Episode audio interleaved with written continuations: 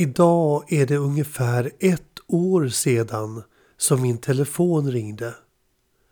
Jag stod i stövlarna i potatislandet och grävde mitt i sorgarbetet efter min fru Agnetas död. Ute på landet i Näshulta socken så levde jag nu mitt liv sargad och ensam.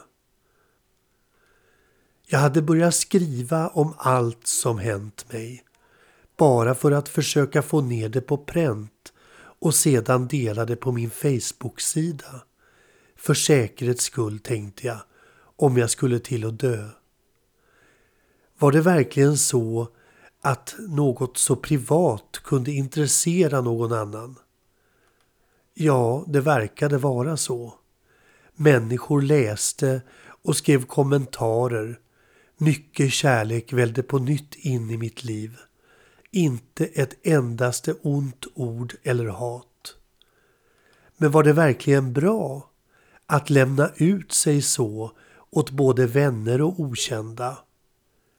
Jag var i ett sånt läge i livet då att jag kände att det kunde göra detsamma. Det spelade mig inte längre någon roll. Och jag skrev ju bara vad jag själv kände och tyckte.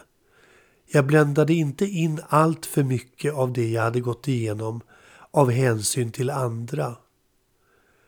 Jag stod som sagt var där i trädgården och drog upp lite av den potatis som Agneta och jag hade planterat på våren då min mobil ringde.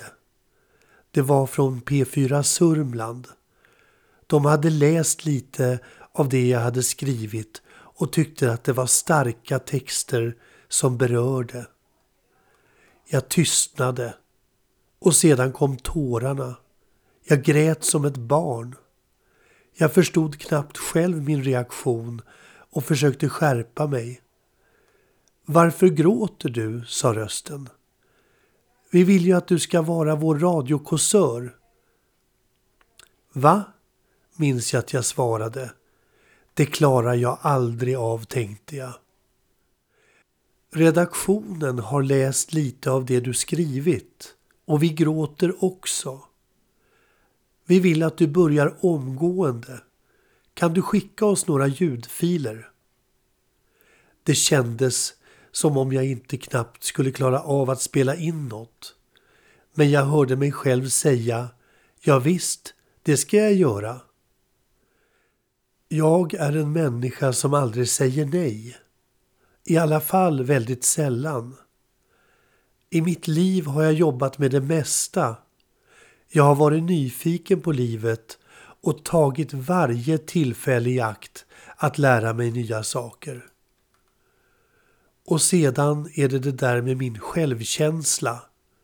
En självkänsla som är så låg så att jag gråter av lycka och förtvivlan när någon ser mig och tror just på mig. Jag som inte kan något. Jag som fick höra som barn att jag var grannens barn och en bortbyting av mina föräldrar. Men jag levererade mitt första kåseri som veckan efter det sändes i förmiddagsprogrammet. Och jag lyssnade också på min radio hemma i trädgården, på mig själv. Det kändes ofattbart. Och nu, med facit på hand, har jag gjort 40 kåserier som några av er hunnit lyssna på. Och jag hoppas att mina betraktelser över mitt liv också har skänkt någon av er hopp och mod att själva ta tag i era egna liv. Rensa upp bland vänner, låta bli vinet, trygga er ekonomi. Men framför allt börja leva era liv som ni själva vill och bli lyckliga. För det är vi alla värda, även om en låg självkänsla gör att vi fogar oss i mycket och inte alltid säger ifrån, så är det aldrig för sent att ändra på allt. Men vi måste ha människor runt omkring oss som tror på oss och hjälper oss att ta steget ut i det okända. Och därför vill jag passa på att tacka er som lyssnar. Och den P4 Sörmlandsredaktion som då trodde på mig. Detta att kåsera har varit det roligaste jag någonsin har gjort i mitt liv. Och till någras förtret kommer jag att fortsätta tills redaktionen handgripligen kastar ut mig ur sändningarna. Och jag undrar vad Agneta skulle ha sagt om hon hade fått uppleva det som hände mig. Hon skulle nog ha sagt Du är ju inte klok. Och det är nog skönt att inte vara så klok alla gånger. För då tar man sig inte an jobbet som radiokåsör. Då tänker man efter två gånger och tacka nej.